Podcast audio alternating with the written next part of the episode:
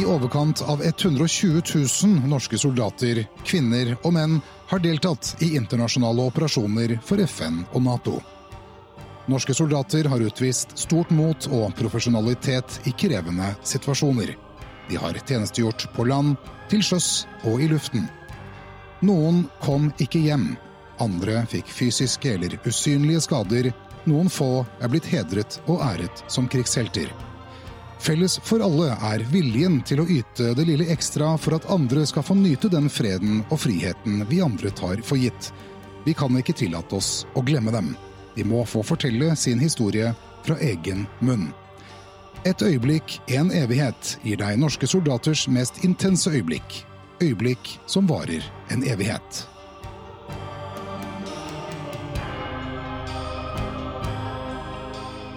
Det var en sånn running ambush. De var over oss hele tida, og vi måtte besvare ild. og Samtidig så vi hadde folk i front da, som eh, måtte sørge for å få åpna veien, så vi var sikre på å komme oss hjem.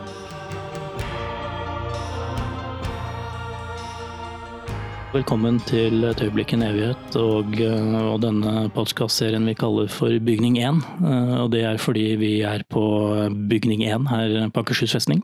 De gamle kontorene til eh, Gunnar Sønsteby, som nå er et, eh, et lite museum for bl.a. blant annet de som har mottatt krigskors. Med meg i dag så har jeg eh, Erik Skjervold, eh, mestersersjant. Velkommen. Takk for det. Mestersersjant, eh, hva betyr det?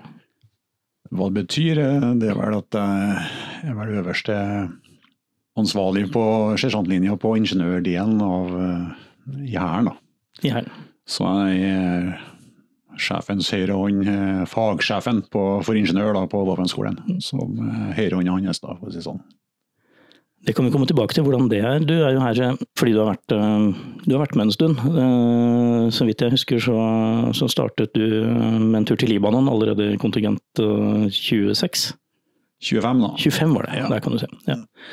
Da var man jo ung og eventyrlysten. Var det, var det det som la grunnlaget for at du skulle fortsette i Forsvaret?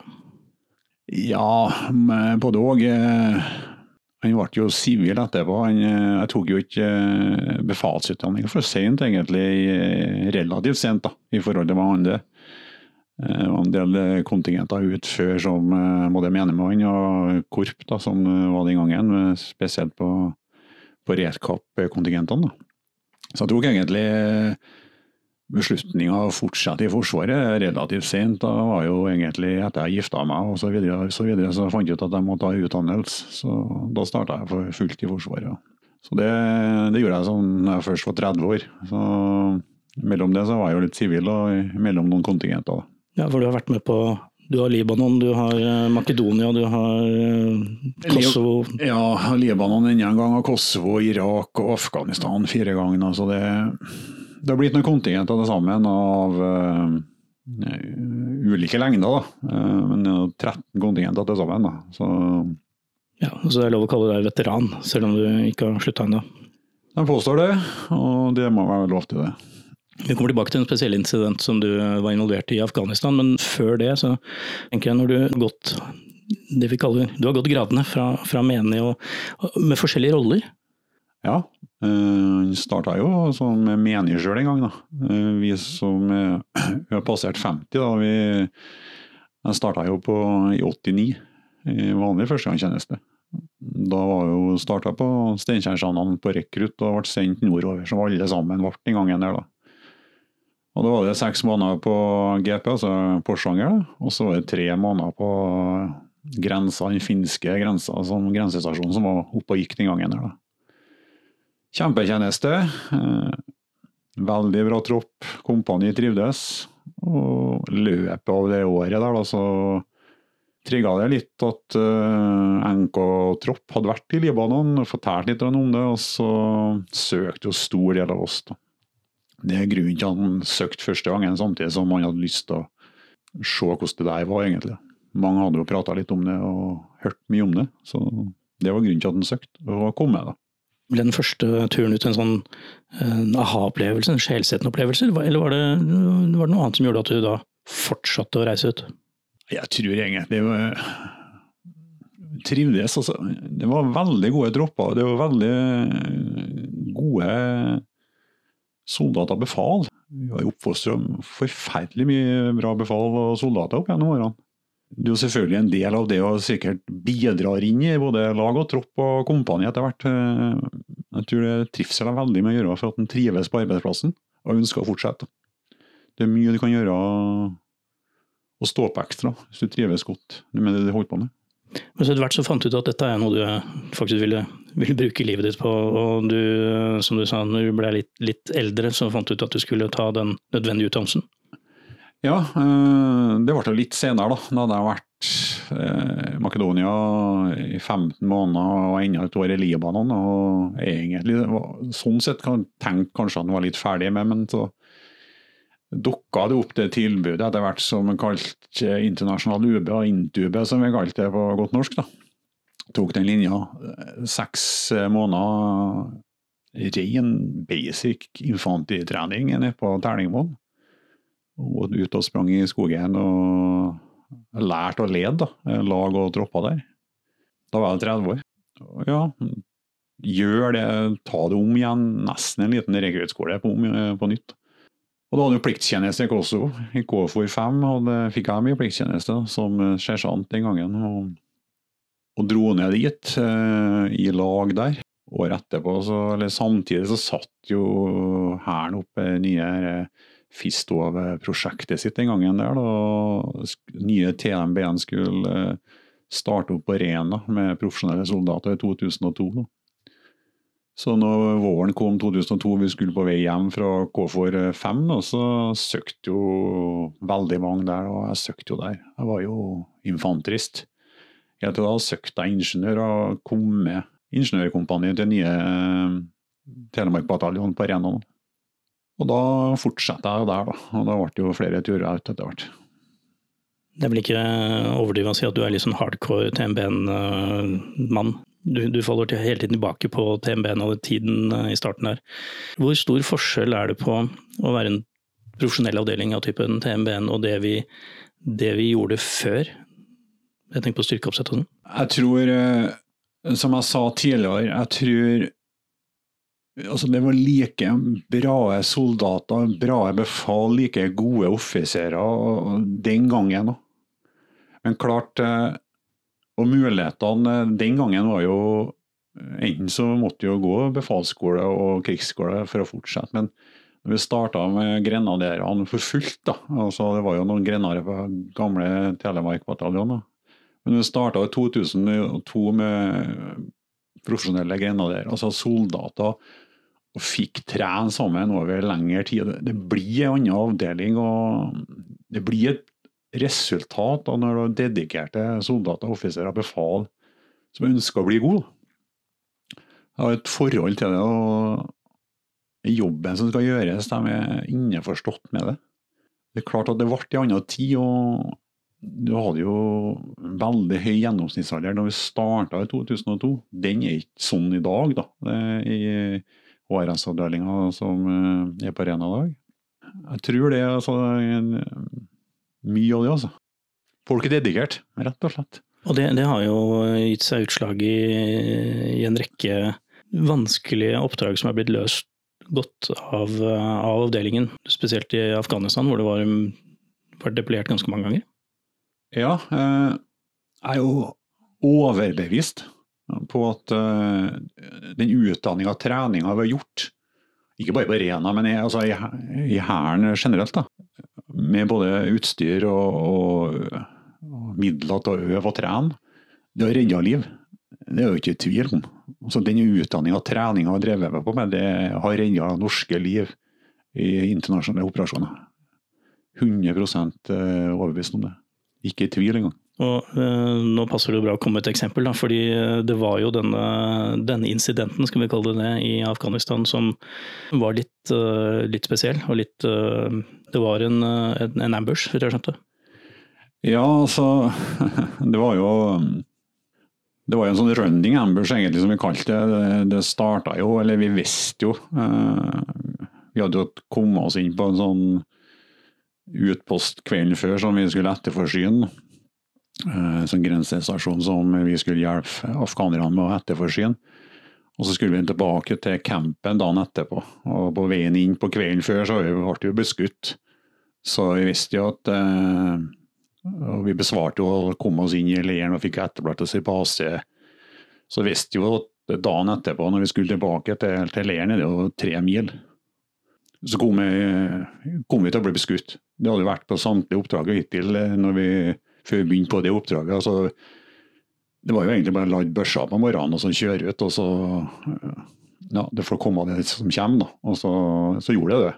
Vi starta halv fem eh, på morgenen når sola stod, vi var klar. Jeg tror det var halv fem eller fem vi starta. Og så var det for min del eh, ledtroppen og ruteklareringstroppen som gikk i front og skulle sjekke for ID-er langs bakken og sikre at uh, kolonna bak kunne kjøre safe. da. Så hadde jo folk på bakken som klarerte bakken og så videre og så videre. Så det var jo ikke mange minutter etter vi hadde kjørt ut, så var jo først uh, tikken i gang. den. Og Sånn holdt vi på hele dagen, hele turen tilbake. Vi holdt på nesten til vi kom tilbake til leiren. Og Det var jo både før landsbyene vi passerte, og etter landsbyene vi passerte, og underveis i landsbyene. Og Det var jo den store forskjellen egentlig fra, for tidligere operasjoner, at de begynte å skyte ifra, inni fra landsbyene. Og Det gjør jo ting langt vanskeligere for oss, eller gjorde det. For der var jo sivilbefolkninga. Det var jo ikke bare å begynne å skyte rundt seg. Det, det måtte jo koordineres osv. Så, videre, og så, videre. så det, det var ikke enkelt oppdrag, det var ikke eh, Vi kom godt ifra det, i og med at vi fikk tilbake alle sammen og kom oss tilbake til campen etter hvert. Vi holdt på 14 timer innan. Så jeg tror de to siste, to siste timene var rolig, da var det lite. Men eh, jeg tror de tolv første timene så holdt vi på hele tida. Det var en sånn running ambush, de var over oss hele tida, vi måtte besvare ild. og Samtidig som vi hadde folk i front da, som uh, måtte sørge for å uh, få åpna veien, så vi var sikre på å komme oss hjem. Det må ha vært uh, ganske utfordrende å være, være mellomleder på, det, på en sånn ting. Tenkte du noen gang på at her må jeg ikke gjøre feil? Nei, altså underveis så tenker du ikke på det. Du, du, er så opptatt av å gjøre jobben din. og eh, Det går jo på de prosedyrene vi hadde eh, lært på forrige, under treninga, ikke minst opptrening. Veldig bra opptrening i Norge før vi dro nedover. Oppsettinga der var veldig bra. Altså, du blir opptatt av tekniske ting, da, gjør ting riktig, selv om kulene fer rundt hodet. Det kan høres litt rart ut, av de som sitter og hører på, men jeg tror at uh, fokuset det han gjør, da, samtidig som uh, folket gjør jobben sin, da, du lykkes med det, det Og jeg tror mye av uh, grunnen til at vi lykkes den dagen, var trening og ikke minst drill på det vi skulle gjøre, på, som vi hadde gjort på forhånd. Som også berga liv den dagen der. Det er jeg helt sikker på. Ja, fordi det, det, kan jo fort uh, skje ting. og uh, Vi har jo hørt i tidligere episoder her på et øyeblikk jeg vet, uh, at det ikke alltid går bra. er, det som, er det noe du har i bakhodet? At går det galt nå, så kan det gå fryktelig galt? Ja, kanskje du har det langt bak i bakhodet, ja. men ikke underveis. Så sitter du ikke og tenker du kan, du kan ikke sitte og tenke på det, egentlig. da. Du er så opptatt for det. Du sitter og styrer troppen din på samband, du sitter og dirigerer, du sitter og prater opp mot sjef høyere osv. osv. Den koordinasjonen det krever alt av deg, egentlig. Eh, samtidig skal du ta vare på folket som er på bakken og der du går sjøl. Det er jo ikke noe tvil om det. Så du må jo ikke riske ting, altså unødvendig, men eh, samtidig så må du hele tida ligge på limiten. Så du må sørge for at du får med alle dine som eh, og ikke minst, det var jo andre egne vogner, altså alt fra ANA, ANP, altså politi osv., som var med i kolonnene når vi kjørte. Og gikk da i front. Så ja, det var busy den dagen, jeg må si det. Men hvordan er det, hvis du snur litt sånn rundt, så hadde dere da en motstander som, eh, som ikke ville gi seg? Som, eh, som var på hele tiden. Hadde du noen formening om hvor store styrker, hvem det var osv.? Altså, antall personer som uh, drev på mot oss den dagen, det skal ikke jeg spekulere i, det, men det var jo en god del. da. Men samtidig så De hadde holdt på med det i mange år, den gjengen. De hadde kriga sikkert i langt flere år enn hva vi har drevet på med. Og De hadde jo forhåndsuttatte stillinger, dem, og de brukte jo dem om igjen. Vi visste jo det, og de kjente jo terrenget. og De var lett mobile med motorsyklene sine. De, eh, de, de fulgte oss hele turen tilbake. Og tilbake da. Det er tre mil. da. Det var jo varmt den dagen der òg. Det var jo midten av juli, tror jeg det var.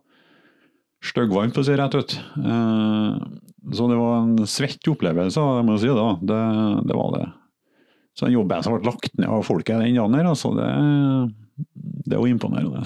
Det, det skal de ha.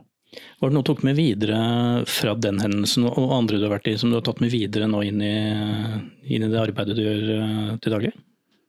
Ja, så den, den hendelsen der, da.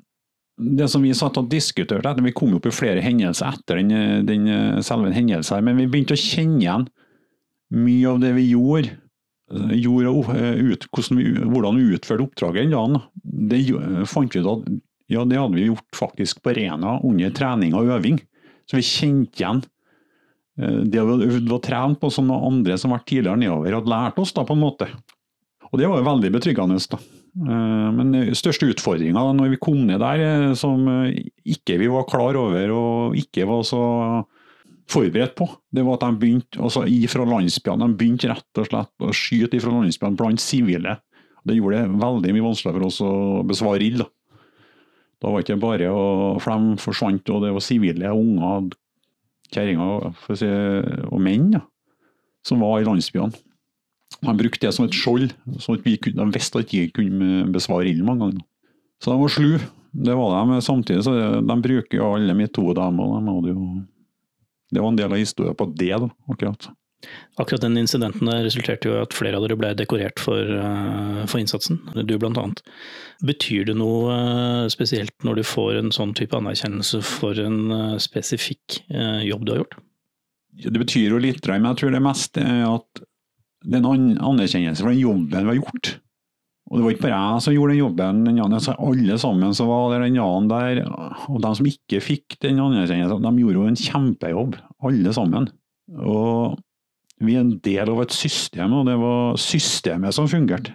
Det var treninga vi hadde gjort i forkant, øvelsene sammen, som berga oss. Så det er jo anerkjennelse går jo til egentlig utdanning og trening og det arbeidet vi har gjort i forkant, Altså, er helt, som jeg sier igjen, berga liv den. Helt overbevist, altså. Nå er vi ikke så til de grader deployert i Afghanistan lenger, og vi, vi, vi har ikke de store styrkene ute, men, men, dere trener jo fortsatt på å kunne øh, rykke ut på sånne misjoner. Er treningen og planleggingen annerledes nå enn det var la oss si for, for 10 år siden, eller 15 år siden? Ja, nå er ikke jeg sånn eh, rett oppi det tekniske på trening og øving akkurat. Jeg følger jo litt med på hva de driver på, for det er langt øh, Styrkene som sendes ut, er langt færre, på en måte. Men det baserer seg på erfaringer som har dratt med oss eh, fra tidligere misjoner som vi gjør på arenaen når vi har utsjekk på de styrkene som reiser ut. Og Mye av det er jo erfaringsbanken. De blir jo sertifisert på en måte, de som sendes ut i dag. og Flere av dem som eh, er å sertifisere dem som reiser ut, det er jo folk som har vært ute tidligere osv. Så, så det er jo sikkerheten til oss. da. Så på en måte eh, gjøres det på samme måte, men eh, teknisk spesifikt på kanskje en misjon. da, på en måte. Så, men samtrening og alt det, det er jo utgangspunktet i, på den samme lista egentlig som tidligere. da. Bare så er det litt forhold til hvor stor styrke som skal reise ut osv. som reiser ut. Nå sitter vi og snakker om uh, misjoner og utplasseringer over uh, mange, mange, misjoner du har vært i over, i mange land. Og nå går jo Norge inn i en fase hvor vi snakker om at vi skal begynne å, å, å ha, operere mer her hjemme. Hva tenker du som, uh, som da Intops-veteran og skal øve på å forsvare fedrelandet, sånn fysisk, Vi skal være her nå. Er det noe du tar med deg fra det du har gjort tidligere, inn i den på den norske virkeligheten? Ja, altså Det som vi må trene på hjemme i Norge, altså, som, som, vi kommer til å gjøre annerledes enn det vi i hvert fall uh, gjorde Intos, på en måte, det er jo vi må jo trene totalforsvaret i Norge, og det gjør vi ikke. Det Intops er jo egentlig en, en liten gruppe, på en måte, eller en task unit når det reiser ut, eller en PRT når det står i Afghanistan eller Libanon som sto med bataljonene, som er egentlig en liten sak som er der og da. Men hjemme i Norge, når vi skal begynne å holde på å tenke på det nå, så er det jo totalforsvaret vi må tenke på. Det blir noe helt annet enn eh, det vi drev på med der. da. Og det, det er jo lærerikt, da. Det er ikke minst det. da. Ja, for nå står du i det i din, i din stillingsmester, sersjant, og, og skal også hanskes med, med, de nye strukturene. Du får uh, offiserer som er uh, kun offiserer, og ikke, ikke, gjør alt det som du skal drive med. Er det i det hele tatt en, en, en stor overgang? Er vi midt oppi en stor uh, omveltning? Ja, det er vi helt klart. Det er jo en brytning på det. Nå tror jeg, hvis jeg husker helt feil, så var det siste kullet på gamle modellen som gikk ut av krigsskole nå i sommer. Så nå blir det jo av gammel modell, som vi sier da. Vi kommer jo til å få en annen type offiserer fremover nå, det er jo ikke noe tvil om det. Og samtidig så vi på sjantlinja blir annen type utdanning for oss. da. Men nå har vi holdt på med det her i fire-fem år bare, så vi ser jo ikke resultatene av dette. Altså, vi må tenke litt lenger før vi ser det store resultatet, om vi lykkes ordentlig. Men det er klart at uh, det blir spennende å se hvor vi ender med etter hvert. her nå, Men uh, jeg har nå håp og tro på at vi greier å få det til. Det er jeg ikke i tvil om. For uh, de som søker seg inn i Forsvaret i dag, og det er jo flinke folk i dag òg, som de var før i tida. Og Da er det opp til oss som er der, å sørge for at de som blir utdanna, blir utdanna som de skal bli utdanna. Det er det som er jobben vår.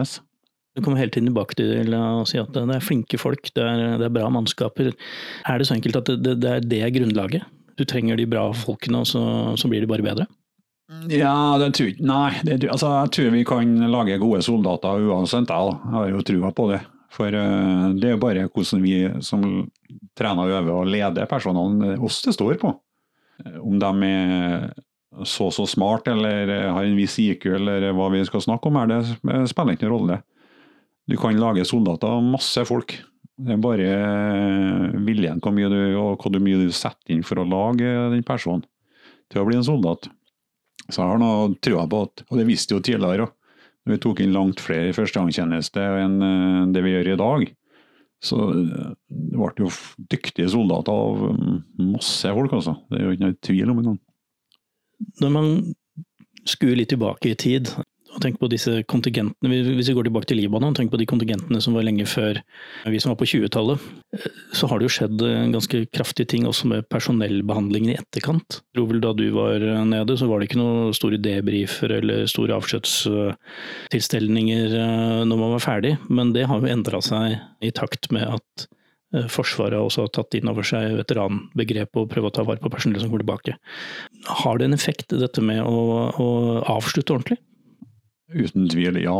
Også, men det, det store forskjellen i dag nå, kontra tidligere, er jo at eh, mange av dem som kommer tilbake, de, vi fortsetter jo i Forsvaret. Mange av de fleste som reiser ut, har det som en jobb. De kommer tilbake til avdelingen, og så fortsetter de i avdelinga si. da er de jo sammen med folk som har også vært ute. Så de, de vet hva det som har skjedd, om, kanskje ikke på detaljnivå, men de vet hva som foregår. Tidligere så var det jo folk som uh, søkte ut, og så var, når vi kom tilbake, så var det jo å levere utstyr på Sør-Gardermoen eller Haugeseter eller hvor det var uh, nede på Østlandet her. Etter å ha kommet hjem med flyet dagen før, så var det jo å sjekke ut dagen etterpå og levere utstyr, så var du egentlig ferdig med misjonen. Og det kunne jo gjerne ha stått på en CP da, et par dager før i forkant, eller kjørt en eskorte på så det er den store forskjellen i dag. da, At uh, de fleste fortsetter når de kommer tilbake. Uh, og så, videre. så er det mellomlandinger og en debrief da, og så videre, som er blitt obligatorisk nå. Uansett misjon. Og til det bedre, det er jo ikke noe tvil om det. Så ja, det tror jeg det er blitt eh, langt bedre, altså. Det der med å være veteran på din alder, med, med din bakgrunn nå, er det noe du går og bærer med deg? Er det noe du, du har, eh, har, et eller annet sted eh, inni deg når du går rundt og sier at ja, det, dette har jo vært gjort før, jeg, jeg, er faktisk veteran, jeg vet hva jeg snakker om?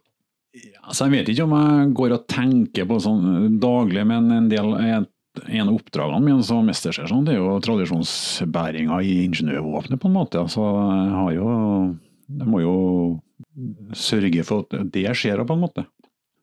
Det skjer jo i bataljonene og kompaniene, det er mer bevisstgjøring rundt det nå enn hva det var tidligere. Da. Og ikke minst en langt større aksept, da. Eh, både i militæret, de som jobber i Forsvaret, og blant sivile enn hva var for en 10-15 år siden. Altså, så det har skjedd en ganske stor utvikling på, på veteransaken.